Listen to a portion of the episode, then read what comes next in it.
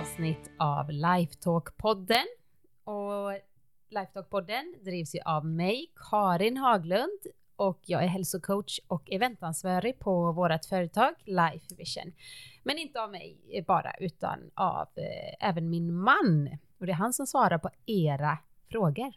Och vem är du? Ja, vem är jag? Anders Haglund. Eh, transformativ coach som eh, hjälper till och hittar de där ställena som kanske gör att gör skillnad på riktigt när man eh, står inför sånt som vi alla står inför och som kan vara klurigt att komma igenom. Utmaningar, problem, hur man lockar fram det bästa ur sig själv och annat.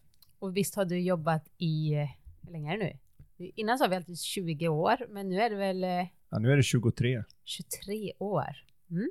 Tiden går. Så eh, hela podden bygger på att ni skickar in era frågor, allt som rör mental hälsa, personlig utveckling. Och så hamnar de i min inkorg.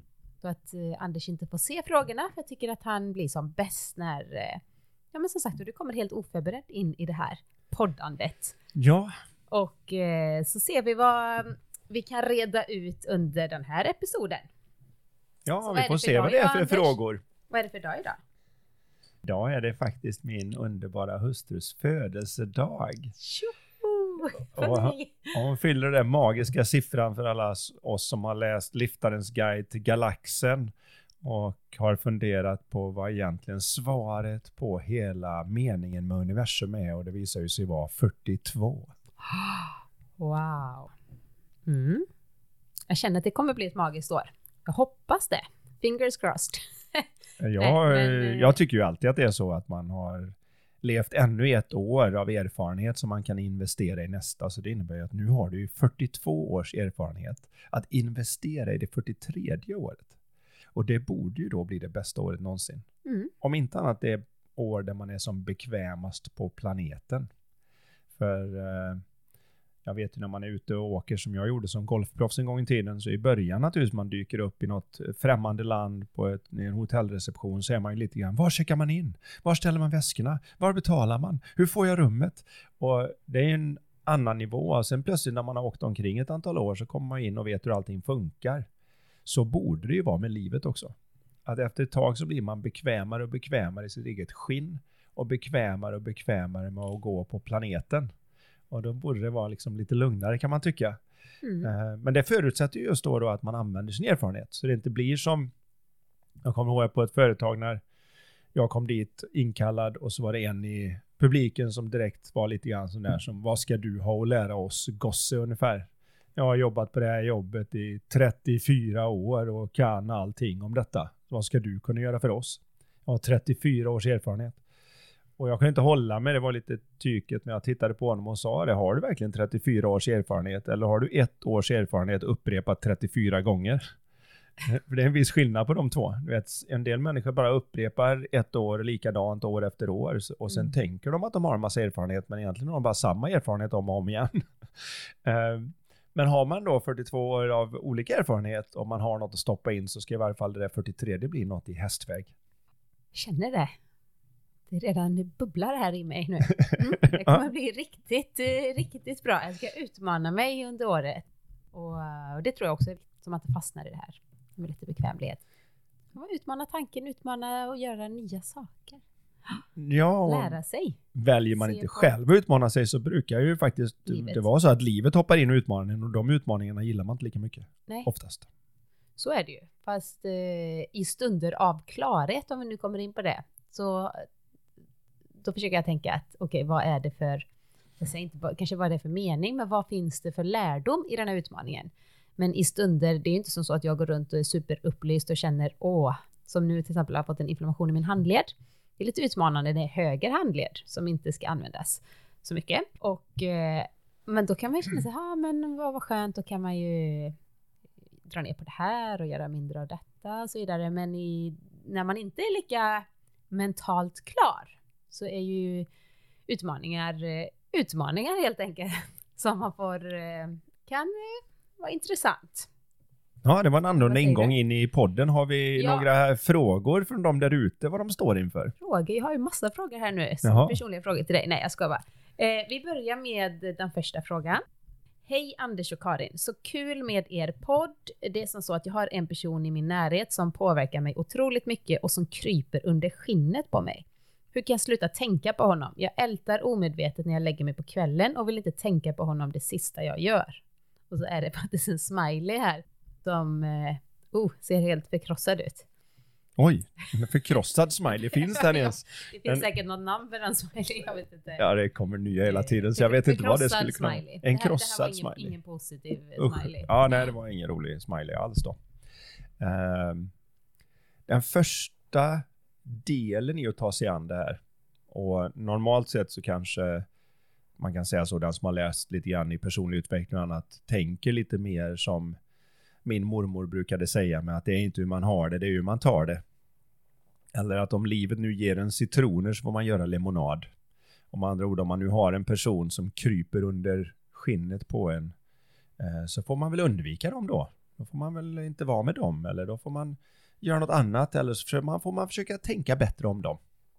Men det första steget till att kunna göra någonting på riktigt åt de här situationerna är att fundera på varifrån kommer faktiskt mina känslor? Är det den här personen som skjuter in känslor eller upptäcker den här personen att när hon ligger eller han ligger eh, på kvällen och funderar eh, över det här och ältar att exakt samma känslor dyker upp fast den personen inte är närvarande. Det ger en annan infallsvinkel när man ser det. Det är lite som en av de där apparna som man nu, nästan varenda app man dyker upp när man eh, tittar på något när mina, våra barn, mina barn, våra barn eh, dyker upp och säger att kan inte du ladda in det här och säger man vad är det för något? Ja men det är en gratisapp och så står det alltid liksom köp möjligt inuti app. Och på samma sätt inne i vårat huvud så kan man väl säga att vi kan inte bli påverkade utan att vi skriver in vårt personliga lösenord till känslolivet. På något vis när en människa beter sig på ett visst sätt så vet vi ju det att om vi ställde upp hundra personer i exakt samma situation så skulle det förmodligen vara någon som blev ännu mer negativt påverkad. Men det skulle också vara någon som bara skrattade åt dem och tänkte vad är det för en clown eller eh, det skulle vara någon som kanske, åh vad synd det är om dem, vad har det jobbigt om? Eh, så det skulle finnas en enorm range med möjligheter att reagera på den här personen. Och då blir det intressant att se att, ja men varifrån kommer hela den rangen om vi nu är utsatta för samma person?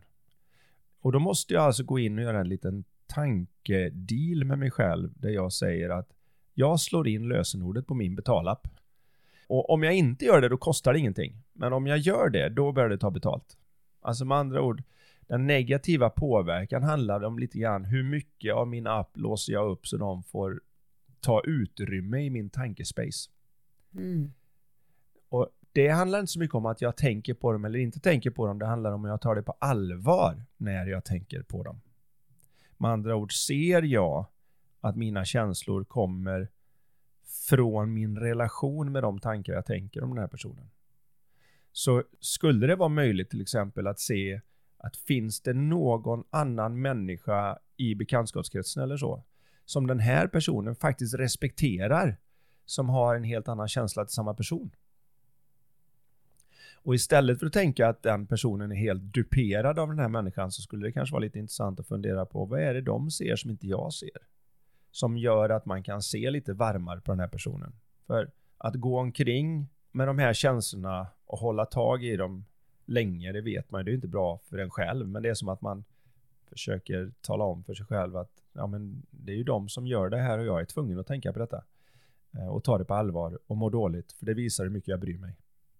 Istället för att se att nej, om inte du tar dig an det här så har det ingen påverkan och effekt på dig alls.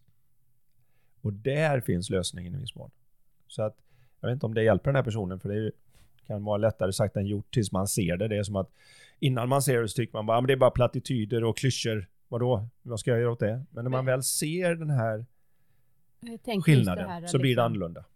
Jag ältar omedvetet. Ja, det är ju oftast, alltså en tanke kan komma och sen ältar vi den tanken alltså om och om igen och det är inte det att den här personen behöver, okej okay, nu ska jag hantera och verkligen sluta älta från och med nu, pang på.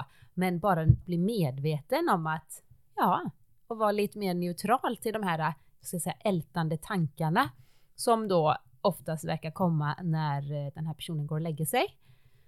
Och om man ser det annorlunda så upplever i alla fall jag att det här eh, så att säga, ältandet ebbar ut.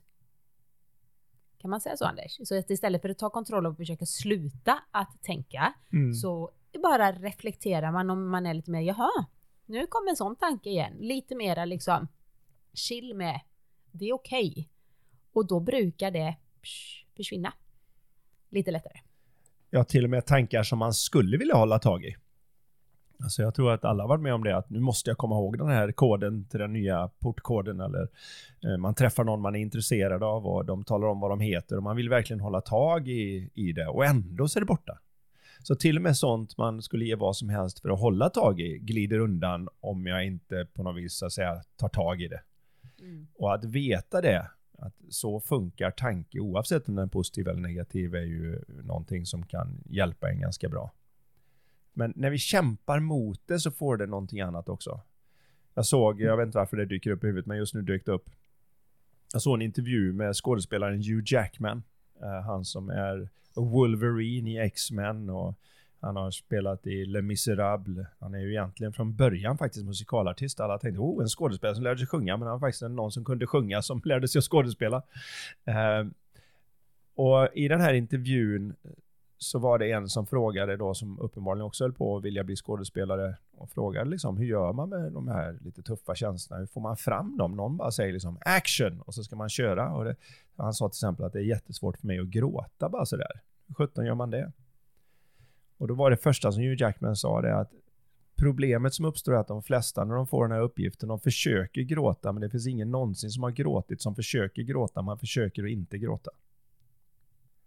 Och sen satte han sig och sa om jag försöker stoppa mig själv från att gråta, och verkligen, det får inte hända, det får inte hända in i mig. Det är sättet att få fram gråten, för det är därifrån det stället man kommer. Och på lite samma sätt är det med ältande. Det är ingen som vill älta, så man försöker stoppa ältandet och därför kommer gråten så att säga. Just det. Och när man istället ser att, att man går åt andra hållet och tycker att det är fine, älta på då.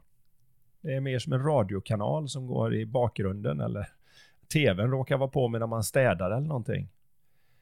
Då kommer det ingenting av det, för det finns inget motstånd där att bryta i känslomässigt när jag inte längre så att säga skriver in det där lösenordet i appen, om jag nu ska ta det på ett annat sätt. Bra svar.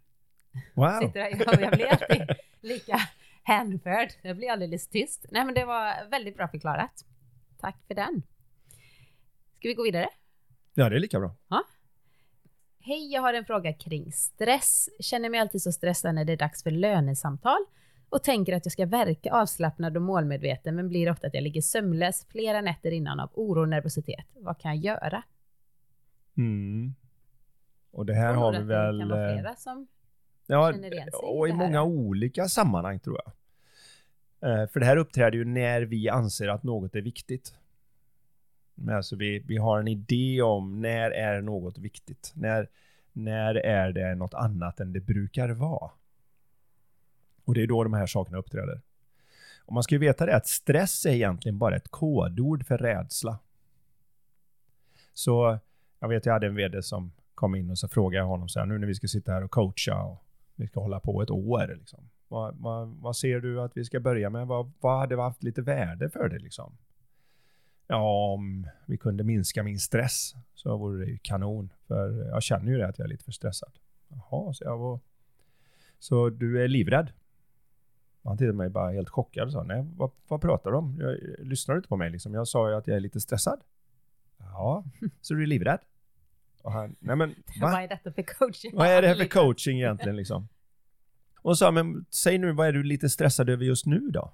De sa ja men ta till exempel, vi har ett eh, stort kontrakt som vi ska uppfylla. Vi har en, en, eh, några som vi levererar till och vi har en deadline på fredag. Och då vet jag att den kunden behöver de här grejerna för de i sin tur är beroende åt andra hållet. Och, och du är stressad varför? Nej men för jag upplever att vi kanske inte hinner. Okej. Så vad händer om ni inte når den deadlinen då? Ja, då får jag ju liksom ett så får man försöka få alla att jobba över och pressa och, och stressa dem så att säga. Och sen så ska jag dessutom ringa till den här personen och höra, kan vi få en utsträckning? Är det okej okay om vi tar några dagar till?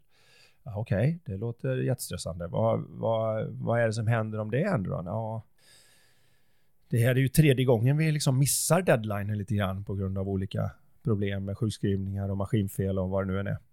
Jaha.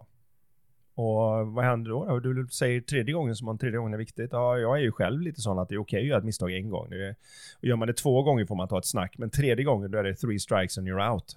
Då är det inte okej okay längre.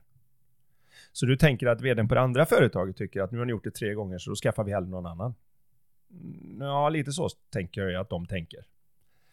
Ja, vad händer då, då om de säger det? Det är three strikes, you're out. Ja, de är vår största kund, så att även om vi ligger här och tuffar på på en vinstmarginal på 10-11 procent. så om de försvinner då är vi, går vi med förlust. För de står liksom för 40 procent av omsättningen här. Vi är ganska beroende av en kund och det är ingen bra situation, men så är det. Jaha, sa jag. Så vad händer då? då? Ja, men då kan jag ju få säga till folk att de inte kan jobba här. Liksom. Vi får ju dra ner på personalstyrkan att de inte har pengarna. Ja, vad händer då? då? jag är ju vd, jag är den som har minst eh, skydd liksom från att bli... Jag kan ju få gå på dagen om du inte tycker det. Jaha, vad händer då? då? Då, får jag, då vet jag inte vad jag ska hitta på just så. Jag får hitta något annat jobb och kanske få gå hem till min fru och tala om att vi inte riktigt kan bo som vi bor och inte riktigt har en livsstil som vi har. Vi får dra ner på lite grejer. Jaha, vad händer då? då? Visar sig lite ärligt, alltså, jag är inte helt säker på att hon bara gillar mig för mig, så då kanske förhållandet skiter sig. Ja, jag hör precis, bara lite stressad, inte livrädd alls. så, så vad vi missar ofta är att vi har ett jättestort paket kring det hela och att vi missar att vad vi tänker är hur illa det kommer bli om det går fel med den där jobbintervjun. Alltså med andra ord, så vi är, vi är fullt upptagna i huvudet med att tänka på alla konsekvenser och vi är omedvetna om att får, får jag inte den här så kanske jag inte får något jobb. Får jag inte, gör jag inte ett bra intryck kanske inte de pratar väl om mig. Om jag inte kan slappna av så kommer inte jag gilla mig. Uh, och så har man allt det här och när man kommer in med hela det ganska omedvetet, ja då är jag ju inte närvarande i, i samtalet. Och så gör jag inte mitt bästa. Man är inte avslappnad och målmedveten på Nej, det sättet. precis. Det, det, har man ju tillgång till när man är mera mentalt klar och i balans. Ja, om man har varit stressad innan och oavsett om man har legat sömnlös, när man tycker upp där, kanske tar tio djupa andetag, bara liksom landar och säger det är okej, okay, jag gör mitt bästa. Mm. Så det är väldigt mycket större sannolikhet att det bästa så att säga kommer fram om man säger rätt sak. Fast det är ju det här då att för den personen, och nu vet jag inte, nu tankeläser jag lite här efter att ha coachat i 23 år, men min gissning är ju att om man lyssnar lite bakom här, så är det ju så att det finns ju en anledning också till att den här personen då stressar upp sig över detta. Och mycket av det är ju att man har någon sorts idé om att om jag, om jag verkligen hetsar upp mig över det här, så kommer jag komma igång. Då kommer jag förbereda mig, då kommer jag läsa det som behöver läsas och göra det som behöver göras, så att jag kan komma in och vara så bra som möjligt. Och om jag stressar upp mig och verkligen blir lite woo så här så kommer jag oavsett hur det går känna att jag i varje fall försökte. Medan om jag är avslappnad under tiden så är jag rädd för att jag är lat och inte gör de nödvändiga förberedelserna och inte kommer förberedd till mötet. Om det är så att jag eh, nu då inte blir avvisad för just det här jobbet, att det passar inte dem, att jag passar in där och sådär, då kommer jag känna som att jag gjorde inte mitt bästa för jag, jag har upplevelsen av att göra mitt bästa, det är att pressa och stressa och så länge som i mitt huvud det finns något lika med tecken mellan att göra sitt bästa och pressa och stressa sig själv. Och att det är då man gör sitt bästa med piskan i rumpan lite grann. Mm. Ja, då kan jag inte släppa det oavsett hur många som säger det, men bara slappna av, gå in och vara dig själv. Nej, för hela mitt system skriker att nej, den enda gången jag får det här gjort, det som i skolan en gång i tiden kanske det många hade den här att man väntade och väntade och väntade och väntade och så plötsligt är det två dagar kvar till provet och då läser man dygnet om och så spottar man ur sig allt man kan på pappret och en del är duktiga på det, men man får inte med sig kunskapen för man kommer inte ihåg någonting efter jullovet sen. Istället för att börja lite tidigare. Men det är ju det här att man märker, många har märkt att om jag pressar och stressar mig så kan jag hinna med väldigt mycket på kort tid. Så det känns som att jag tar fram mitt bästa då. Men det finns ingenting du kan göra stressad och pressad som du inte hade gjort bättre, lugn, harmonisk och klar. Och det Repetera är någonting... en gång till, för det här är så bra. Det är så viktigt. Ja, det jag sa då var ju det att det finns ingenting som du kan göra stressad och pressad som du inte gör bättre när du är lugn, harmonisk och klar. Det får man reda ut för sig själv nästan rent filosofiskt, för innerst inne är det många som säger nej men så är det inte för mig. För när jag är lugn, harmonisk och klar, då, då känner inte jag att jag får ut mitt bästa. Jag, när jag är pressad och stressad, och speciellt med idrottare som jag coachat, om vi nu pratar sådana som är på världsnivå, och de som mm. vill vinna SM eller vad det nu är, vi är på en annan nivå. Om man frågar dem liksom, så skulle de säga att ah, det är klart det inte är bra med stress och det är klart det inte är bra med press, men lite stress och press är bra. Lite lagom är bra, det är, då, då får man ut mer av sig själv. Och så kan jag fråga dem så här, ja, men tänk dig nu då, det står en person här, han är basketspelare, han har en avgörande straff för att vinna hela NBA, det största man kan vinna i basket. Och så står den personen där och bara liksom Nu sitter mamma och pappa och kollar och kompisarna här och 200 miljoner som tittar på TV och sätter jag den här då är jag hjälten som får alla sponsorpengarna och nu jävlar kör vi! Och så wow. Och så har du en som går fram, studsar bollen två gånger i marken och och skickar iväg den. Vem av de två har störst chans att få i den? Och märkligt nog då, så varenda idrottare jag pratar med där de säger att nummer två. Man säger, men om det är så självklart för dig att det är nummer två som har störst chans att få i den, varför beter du dig som nummer ett? Och det är mm. det jag får, när jag lyssnar lite bakom orden på den här frågan så får jag lite den känslan från den här personen. Att jag skulle gärna vilja vara lugn och avslappnad men då tror jag inte att jag gör mitt bästa. Men när jag väl går in och är pressad och stressad så märker jag att jag är mitt bästa. Men lösningen på det är att jag måste hitta lagom stress och press så jag kan hitta mitt bästa. Men jag kan inte vara lugn och avslappnad för då blir man lite, jag är lite loj, då händer det inget. Eh, om man missar Jag tror att det är många som tror det när vi pratar så här, ja men lugn, avslappnad, man kommer in, att man är så här, ah, tja. Alltså man är, man, det behöver inte betyda att man är... Man har suttit för länge på någon bar i ja, Amsterdam. Alltså jag tror vi, vi nästan målar upp en bild framför oss att det är så man är eh, mera avslappnad, men när vi menar avslappnad så menar man ju att man kommer in och är, är eh, Nej, man ska väl snarare säga att det är en avslappning mellan öronen. Liksom. Precis. Det är en, det är en, och, och ska jag ta den hela vägen ut efter vi touchade på det på första frågan så är det just den här, jag tar inte mig när man säger jag tar inte mig själv på lika stort allvar så menar man egentligen jag tar inte mina tankar om mig själv på lika stort allvar. Eh, jag låter inte mina osäkra tankar dominera mitt tänkande. Bara för att jag har en osäker känsla så är inte jag en osäker person. Jag råkar bara ha tillfälligt osäkert tänkande som ser väldigt verkligt ut för mig. För det är ju en av de där riktigt grundläggande principerna i den nya tidens prestationspsykologi och hur vi faktiskt funkar som människor. Det är att alla människor gör det bästa de kan givet det tänkande som ser verkligt ut för dem i stunden. Så vilken situation det än är. Så att om, eh, jag vet inte, någon som kommer från en krigszon och du springer fram och viftar dem i ansiktet så är risken att om de har en kniv på sig att du får den i magen eller något och man tycker vilken idiot. Men i deras tänk så såg, såg det så att säga verkligt ut att de var under dödligt hot för det har de varit någon gång. Mm för de som har levt i en frid, fredlig stund så är, är, det liksom verkligen bara på riktigt att någon är bara framme och skrämmer mig och viftar med armarna. Och, och givet det tänkande så ser verkligt ut för mig så gör jag det bästa jag kan i den stunden. Så för att komma runt det där så behöver jag ta en titt lite mera bakåt. Vad, vad är det som får mig att tycka att det är någonstans faktiskt, hur mycket jag än säger annorlunda, så är det någonstans vettigt för mig att vara stressad och pressad in i den här situationen. Eh, för att känna att jag bryr mig, för att känna att jag är mitt bästa. Då blir man stressad, för att då ska jag bli avslappnad och målmedveten när det väl är dags för lönesamtalet. Alltså ja. någonstans har man köpt den premissen, och, alltså undermedvetet, och agerar ute efter det. Men, jag, ja, men också just det här att man reder ut för sig själv, funkar jag som bäst när jag är, så att säga, en viss nivå av stress och press? Eller funkar jag som bäst när jag är i balans och mentalt klar?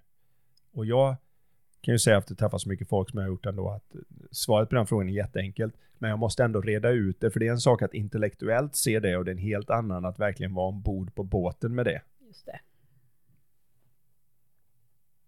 Men den här personen, när det är dags för lönesamtal och oavsett om den har legat vaken flera nätter och kommer dit och kanske är stressad, bara det att så att säga vara i sin kropp och känna att okej, okay, jag känner mig stressad nu.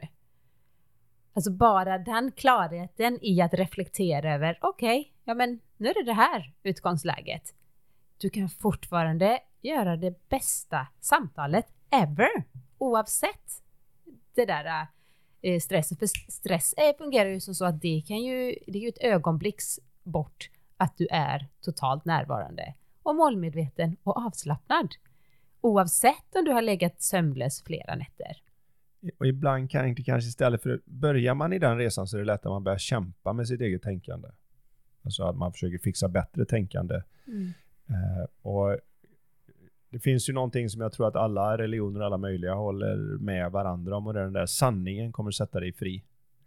Så om man på något vis kan, när man då känner det som du sa, när man känner att nu är jag faktiskt stressad mm. och pressad inför det här samtalet. Mm. Eh, om jag ett då märker det för mig själv. Två, om jag nu förstår att det är faktiskt mina tankar om det här. Jag, jag har gjort upp någon fantasi om att det här kan bli smärtsamt i framtiden och därför blir jag lite rädd i förväg.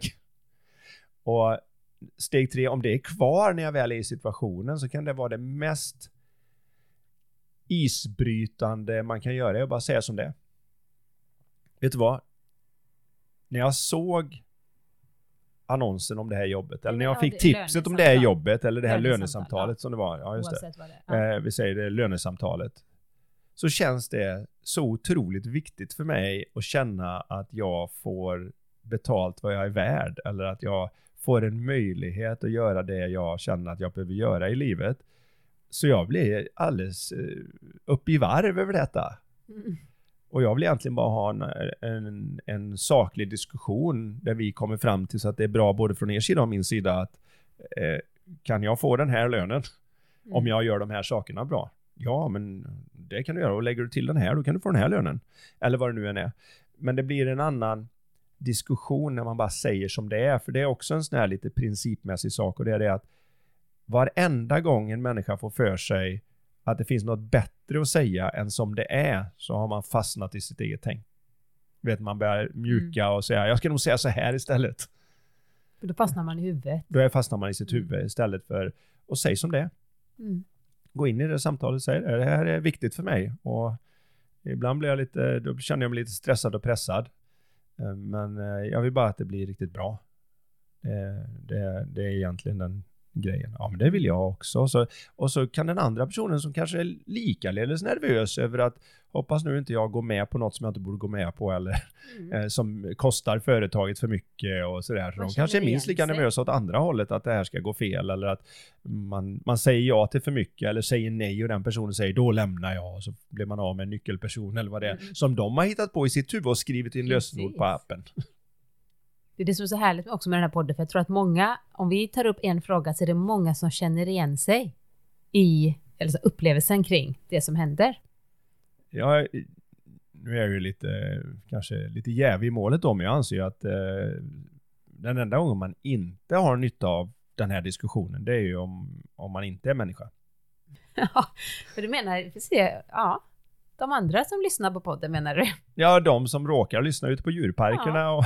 ja, katten som ligger där i ett hörn eller Sitter någon och laddat ner på Radio Public och sitter nere i Afrika på, på safari och lyssnar på Live Talk-podden. Det är en sån här liten dröm man har, jag förmodar ja, precis ja. som vilken musikartist som helst som första de får höra sig själv på radio eller någonting så vore det jätteroligt om man fick någon någon återkoppling när någon sa liksom, jag var vandra i anden och lyssnade på eran podd och fick en insikt eller något. Ja, kom ihåg det, det även om ni inte har en fråga just nu. Skicka gärna era synpunkter, förslag på förbättringar eller bara skriv någonting på lifedogpodden.se. Men Anders, jag tänkte vi tar en sista fråga. -hmm. Mm -hmm. Då är det så här. Hej Anders! Önskemål till er podd. Hur får man in nya rutiner i sitt liv? Organiserad ledarledd träning hemma går bra, men träning på egen hand på landet blir inte av.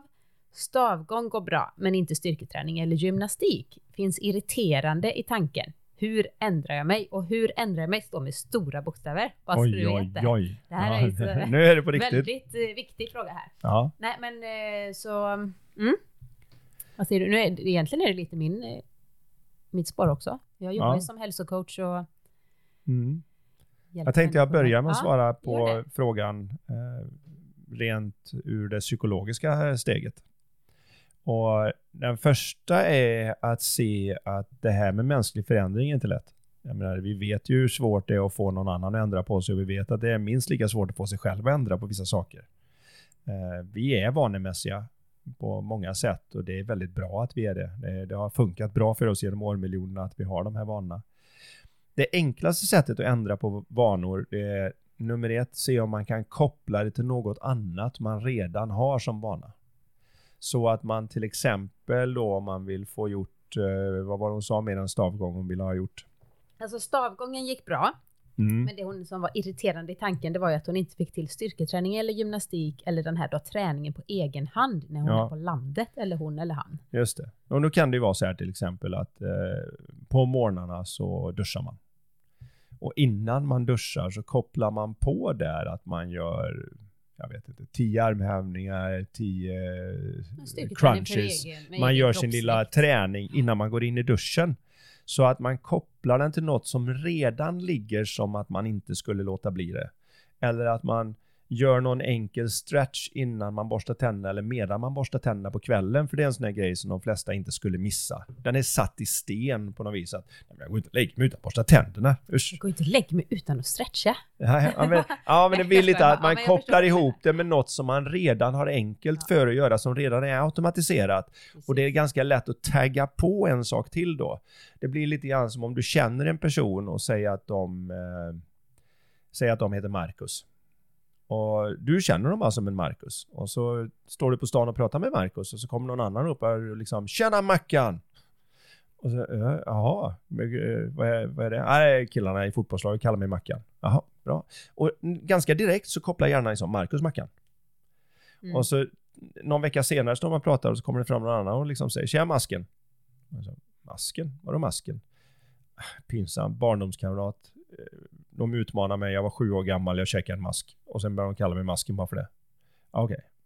Marcus, Mackan, masken. Och därefter vet du varje gång när du hör dem till namn, du har liksom kopplat på dem på något du På något redan, du redan visste. vet. Och de var ganska enkla att komma ihåg sen, för du, du kopplade på något som redan fanns. Och på samma sätt kan man göra med nya vanor när man verkligen vill ändra på det. Man tar någonting där nere, ett speciellt som hon kan tänka på när hon är på landet. Som hon alltid gör oavsett. Där det kan vara hur hon gör morgonkaffet. Men man kopplar ihop till att nu sätter jag på bryggan och när bryggan är på då gör jag baksida lår stretch. Eller då gör jag hunden tills det börjar bubbla i den. Eller vad man nu vill göra. Så att man får in den här lite grann lika enkelt i vardagen som man tänker inte på att man faktiskt redan har skapat de här vanorna som sitter där med att Mm. sätta på kaffebryggan eller Eller som Tvä- borsta på det tänderna. som fungerar då, att hon går på organiserad ledarledd träning, det vill säga att hon går på någon form av säkert träningspass med någon instruktör. Ja. Och då vet hon att det är vissa dagar, vissa tider. Och det häftiga idag är ju att, nu tränar inte jag själv så, men det finns ju så mycket online du Mm. kan signa upp dig på. Det finns livepass.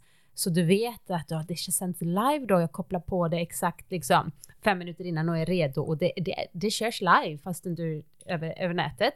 Eller så ser du det i efterhand och det finns appar, det finns så mycket och kanske kan bevara de här träningstiderna om det är, jag går tisdag, torsdagar på, i, i stan. Ja men då är det samma på landet.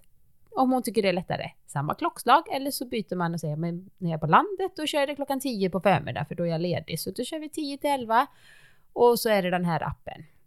För att få hjälp då att Ja, det, är, det är viktigt att se att väldigt mycket av våra tankespår utlöses av miljöer. Så att när jag är hemma så går jag in i vissa vanor utan att tänka på det och när man då åker till landet så är det helt andra vanor. Så att de är väldigt specifika och det kan vara bra att veta. Eh, så att det är bra om man gör upp nya saker där. Där man verkligen säger här är, en, här är det nya här. Så att jag kopplar det på någonting som finns just i den miljön. För att det funkar lite grann som, eh, ja, jag vet inte, du, du får syn på eh, en viss person och så dyker alla de minnena upp liksom. Du får syn på, eller du känner en viss lukt och så plötsligt är du i mormors kök och sådär. Så att om man kan koppla det till någon specifikt så man vet att det här är min påminnelse om det hela. För även om jag signar upp på alla de här kurserna och det så är det en viss vana att komma dit de där fem minuterna innan, starta upp, stå Mm. framför en dator och göra vad det är man ska göra. Och tragiskt nog är det ju så här att, om vi är ärliga, att jag läste att 10% av de som köper en bok kommer förbi första kapitlet. Min gissning är att det är något liknande nu när den yngre generationen köper saker på nätet. Att man köper saker man kommer inte förbi. Och det kan vara klurigt, speciellt för dig älskling, som jag vet är väldigt strukturerad och om du har bestämt så får du det gjort. Men för de som inte är riktigt så, så kan det vara en lite högre tröskel. Och då kan det vara bra att veta om det, att ska jag få till nya vanor, eh, ta dem lite pö om pö liksom. Få, få in Mm. och gör absolut inte för mycket där. Så att när man då, ja nu ska jag koppla någonting till min tandborstning. Och då ska det vara liksom på med skivstången och så gör vi knäböj och så borstar vi lite tänder och sen så gör vi det här och det här. Slutar man borsta tänderna Nej, men också sen? Ja, men- dagen men- men- man har-. Man, vad jag menar är att man Nej, gör någonting lite enkelt Mm. och sen lägger man på. Precis. Så att du så att säga gör vad försäljare kallar merförsäljning. Mm. När du väl har sagt ja till att köpa den här, ja det är också ganska enkelt att säga, men du får den här för 12 kronor eller du får den här för 200 kronor beroende på vad första köpet var. Så att för då känns det bara som att jag säljer inte in hela summan längre, jag säljer bara in den där lilla extra grejen. Så att när jag har fått in tandborstningen och jag har fått in armhävningar så är det lätt att sälja på den lilla extra, lilla extra och så kan jag öka tills det faktiskt börjar bli så att morgonen startas med eh, ett litet träningspass in och sen går jag och duschar. Och jag tänker också eftersom stavgången går bra och då får du upp eh, flås och eh, säkert lite kondition, kanske kan utmana dig, gå lite i backar. Du kan ju ha med ett sånt här gummiband. Då kan man göra som så. Det här gillar jag själv att göra. Man är ute och går och man hittar någon fin plats. Då kör man styrketräning med egen kroppsvikt utomhus, här på landet och bara kan njutfullt göra och liksom, ja men okej, jag lägger på lite styrketräning i min redan befintliga promenad som jag faktiskt får till och njuter av. För det måste ju också vara roligt. Man måste ju hitta, man, det finns liksom ingen som kan tala om att så här, så här, så här ska alla träna. Nej, det är viktigt att vi rör oss, vi sitter alldeles för mycket still och vi behöver framförallt hitta något vi tycker är roligt. För då kommer det vara som så att då vill vi göra det igen. Och när vi gör det igen så blir vi bättre på det och då vill vi, tycker vi det är ännu roligare och så vidare. Vi märker liksom att men jag blir stark av det här och det känns bra. Så ja, Ja, det blir ju en självförstärkande spiral blir det Ja. som är ganska viktig spiral. att få till. Men det här med vanor och hur man får till dem, det vet vi allihopa att eh, livet är ju så som ens vanor är. Och det man kan tänka på som kan, jag vet inte om det hjälper någon där ute med drivkraften, men det är ju det att varje gång som du ersätter en för dig negativ vana med en positiv vana så får du dubbelt. För jag menar, fem minuter där du gör något bra är ju fem minuter där du inte gör något dåligt i det fallet. mm. Och då har du liksom fått dubbla effekten.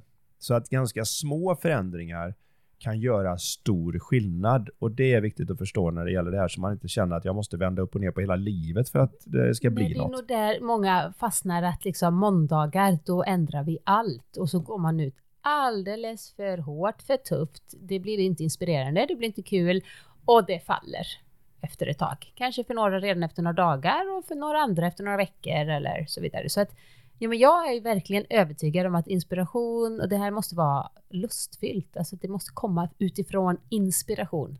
Gäller det specifikt hennes fråga om träning säga, så är det ju bra att komma ihåg att den bästa träningsformen som finns är ju den som blir av. Och den som blir av är den som jag tycker är kul. Så man ska inte Mm. racka ner på sig själv för att jag går bara ut och går stavgång. Eh, eller att jag, jag går ut på golfbanan eller något sånt där. Det viktigaste är just att se att om det väl är igång så är det lätt att öka ut och merförsälja. Men börja liksom och se att den bästa träningen för dig är den du faktiskt får till. Plus att att den det är det som är så himla häftigt att det är lite som att eh, när jag som kostrådgivare säger att man ska följa lite mer det här säsongen och äta säsongsanpassat. Faktiskt är det lite samma sak med träning, att kan vi under tiden när vi är lediga på sommaren, då kanske vi kan träna på ett annat sätt. Vi kan ut och simma, vi flyttar ut istället för att stå och träna med vikter, kör vi med egen kroppsvikt, utomhus och så vidare. Vi måste inte alltid göra exakt samma. Det är till och med bra att variera, variera sig. Men nu avslutar vi med eh, vår lilla avslutning här i podden och det är ju att eh, vi drar en fråga från vårat populära spel som heter Lifetalk och det finns två olika. Det finns Lifetalk som är i lite guldfärgad ask och sen har vi en med lite mera rosa roséfärgad som heter Lifetalk 2 och båda två innehåller 88 frågor var. Mm. Båda askarna så här. Varsågod, här får Var du en hittar fråga och läsa. om man hittar dem. Ja. Man, om, man faktiskt, om man går in på lifetalkpodden.se så finns det en länk där man kan köpa. Ah. Men annars är det i våran webbshop, shop.lifevision.se och det heter Lifetalk och vi är, det är du och jag som har eh, skapat de här produkterna och de säljs faktiskt endast hos oss. Så om man googlar Lifetalk så kommer man liksom till Ah. någon av våra sidor. Vad härligt. Och då har jag fått äran att få kortet i handen här så att jag kan läsa den, eh, det kort som kom fram. Och då står det så här. Vad är det mest romantiska någon har gjort för dig? Mm. Det här var värd att tänka på. För som sagt var, vi kan inte styra våra tankar något vidare, men vi kan hitta användbara riktningar och skicka tanken i. Och när är vi ställer frågor. frågor så styr det iväg riktningen. Så varför händer alltid detta mig är inte lika bra som hur kan jag lösa det här och ha roligt under tiden? Och i det här fallet då så är frågan från vårt Lifetalk-spel, vad är det mest romantiska någon har gjort för dig? Fundera lite på det här så kommer du märka hela dagen kommer liksom genomsyras av lite romance i luften tror jag. oh, det gillar vi. Mer romance åt... Mer romance åt folket. Åh, gud. Vad säger vi Anders? Tack för ja, idag. vi säger väl Underbart. tack för idag ja. Lika kul Ja, att podda med dig. det är fantastiskt. Ja, så Och- tillbaka om två veckor. Sprid Ja, gärna det. våran podd, skriv recension och eh, skicka in era frågor till mig på lifetalkpodden.se. Jättebra, då säger vi hej för den här gången. Hej då! Gör livet till ett mästerverk.